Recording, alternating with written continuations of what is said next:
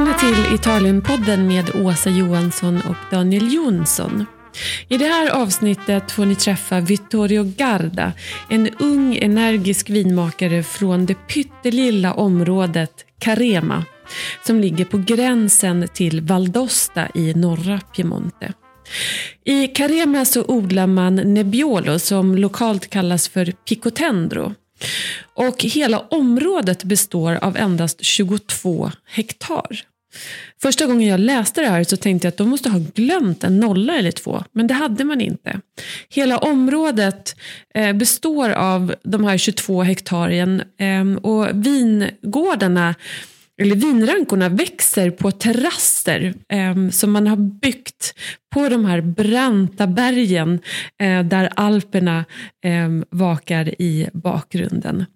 Det är helt otroligt när man kommer dit. Ehm, jag skulle kunna likna det vid när man ser eh, Venedig för första gången eller åker till New York och ser alla eh, höghus, eh, skyscrapes i New York. Det är samma känsla. Eh, att se de här terrasseringarna Eh, där vinrankorna växer väldigt högt över marken. De är beskurna som eh, pergola. Och de liksom klänger sig upp för de här eh, branta, branta sluttningarna. Ehm, och så har man byggt som pelare så att, i, i betong ehm, där det är så träställningar och så klänger sig de här vinrankarna upp. Så att det, när man kommer fram till Carema, så första intrycket jag fick det var att oj, det här liknar en gotisk katedral. Så otroligt eh, hänförande och, och vackert. Faktiskt en av de vackraste vinregioner jag någonsin, någonsin har, har sett. Eh, men som sagt, eh, i Carema så gör man, eh, odlar man Nebbiolo, precis som i Barolo, Barbaresco och Valtellina. Så vad är då så speciellt med Carema? Det får vi reda på i det här avsnittet. Eh, möt Vittorio Garda från den pyttelilla gården Sorpasso. Och eh, ja, hoppas ni tycker om det. Ha det gott! Ciao ciao! In inglese. Uh, ci provi, ci provi. Um, so I'm here with Vittorio Garda, uh, just like the Garda Lake, um, and we're in Piedmont, in the small, small, small region of Carema. Can you tell us a little bit about Carema? Uh, because I think many people or many persons in, in Sweden uh, don't know about Carema. Yes, I. Uh, my name is Vittorio Garda, and uh, I am a wine producer from uh, of Carema in the north of Piedmont. Carema is a particular region in uh, the extreme north of Piedmont, in the northwest. We're close to Val d'Aosta, right?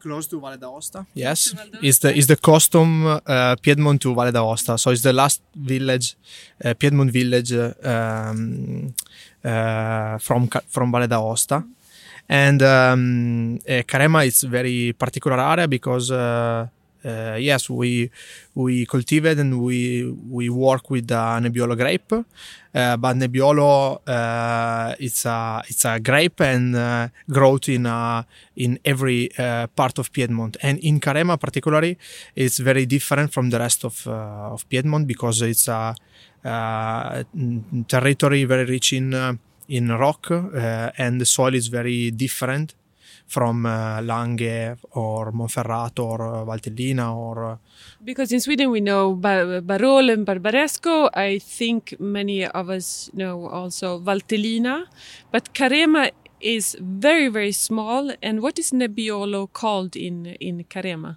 Ne- Nebbiolo uh, in Carema, the name is uh, Picotendro. It's a clone very uh, typical, and um, but it's typical. Mm, um, in the first for for the soil because uh, uh, the soil is very acid and uh, normally in Piedmont the soil is is not acid and but in Canavese so in the area um, in the north Piedmont is is very acid the soil.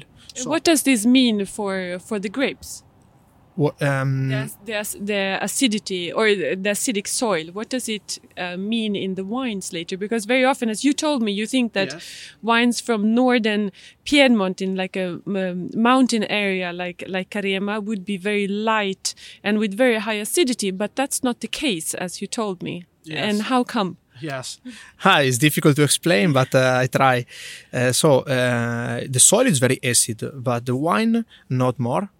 Uh, because um, the grape when were um, when uh, in uh, acid soil um, uh, translate into the wine uh, not a lot of acid from the soil. Uh, this for a particular reaction, acid reaction from the rootstock to the to, to the soil. So is um, uh, because you told me they don't they, they because they want to survive in this acidic soil they absorb potassium. Yes perfect. And the potassium in the wine makes precipitate the tartaric acid. Yes, perfect. Correct. So the, the, the wines are not so acidic as you would think perfect. on those altitudes. Perfect. Because, because how how high up are we um, uh, in Carema? Which altitudes? Not not not a lot. Mm, we are in uh, normally from uh, uh, 300 to 600 meter of altitude and uh, uh, the um, exposition is uh, south and west exposition. And depend where the, the, the vineyard are um, exposed.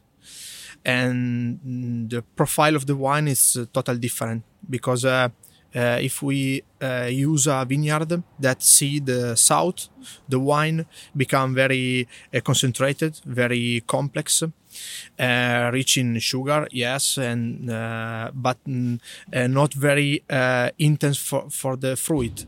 But if you if we use a, a soil or vineyard that see the the north or the west, uh, the maturation is uh, very um, is very slow, and the grape become very rich in flavor.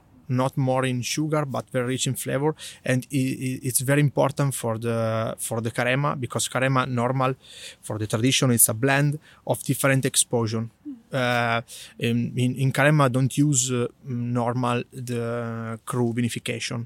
Normal we use a blend of different vineyard that we use for make uh, a perf perfect uh, and balanced uh, wine but the, the conditions in Carema, we just, when, when you look around in Carema, it's really extreme because the vineyards are like on rocks and are built uh, on, or, are, or grow on terraces built by man.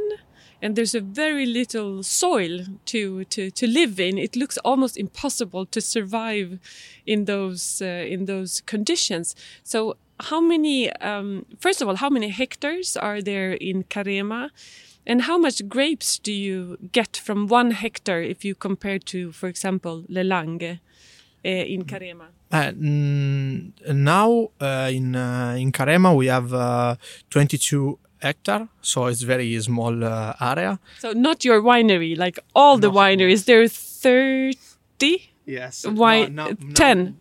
Yes, no, my, no, my my uh, factory is uh, two hectare, so it's very small, and no, not two hectare of vineyard. So one hectare of vineyard, and the rest is. Uh, I hope to in the, in the next future to to uh, to plant a new vineyard. So the whole region is twenty two yes. hectares. Like the whole Carema region is twenty two. Yes yes. hectares. We can compare it to, uh, for example, Chianti Classico, 7,000 uh, hectares of vineyards. The Chianti area is um, 15,000 and Bolgheri is like 1,500. So 22 is like nothing. It's not even a drop in the ocean. It's super, super small.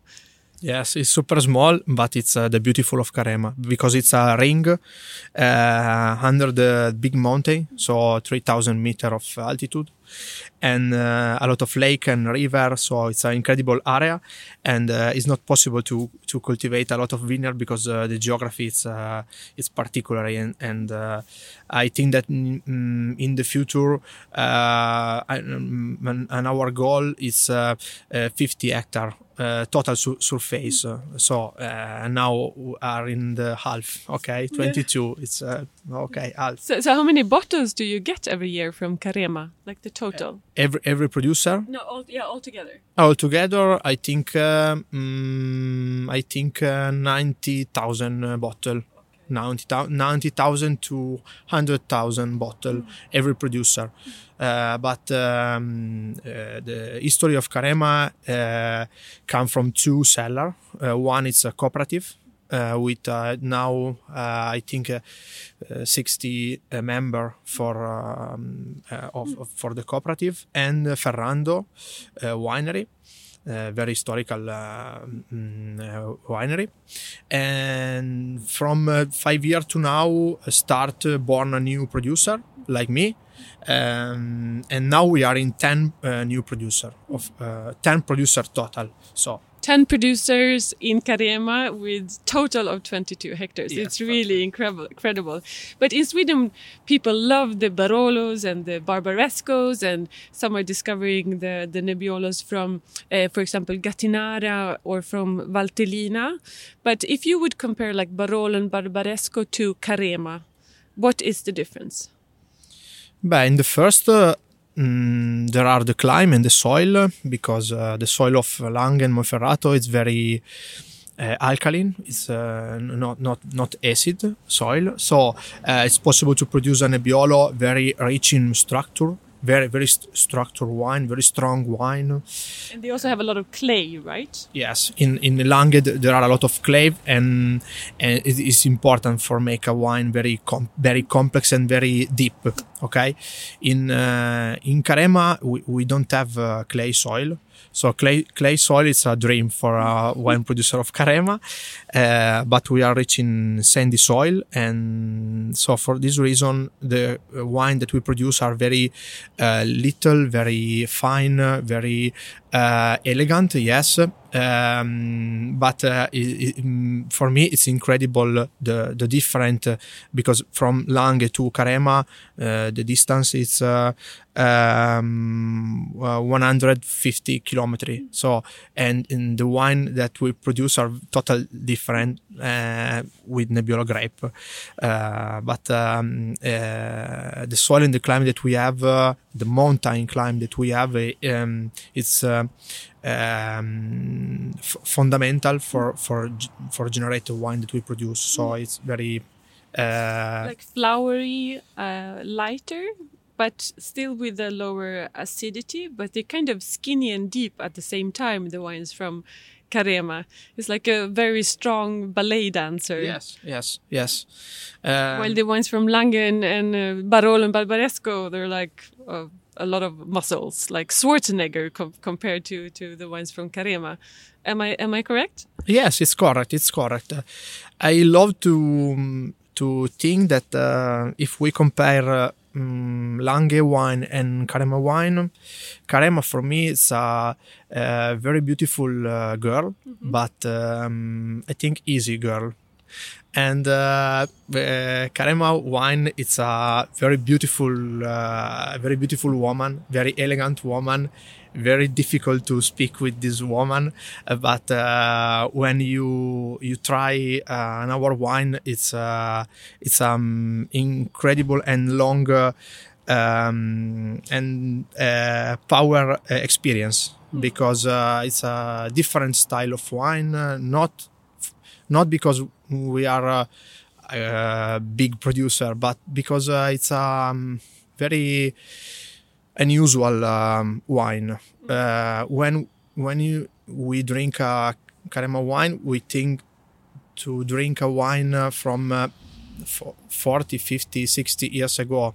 Uh, so uh, there are. You can age it for a very, very long time. Yes, yes, yes. But mm, the flavor and uh, and the, the, taste, the structure of the wine, it's very aged style.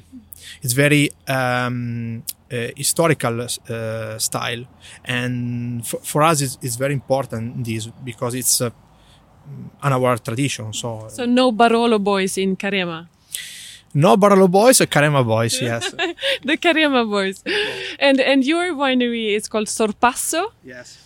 Um, and it's uh, very small, as you said, two hectares. But you're available on the Swedish market, correct? Yes, yes. And how many bottles reach the Swedish market every year? Oh, a lot of uh, sixty bottle, not 16, 60, 60. 60 that's a, that's a that's a lot.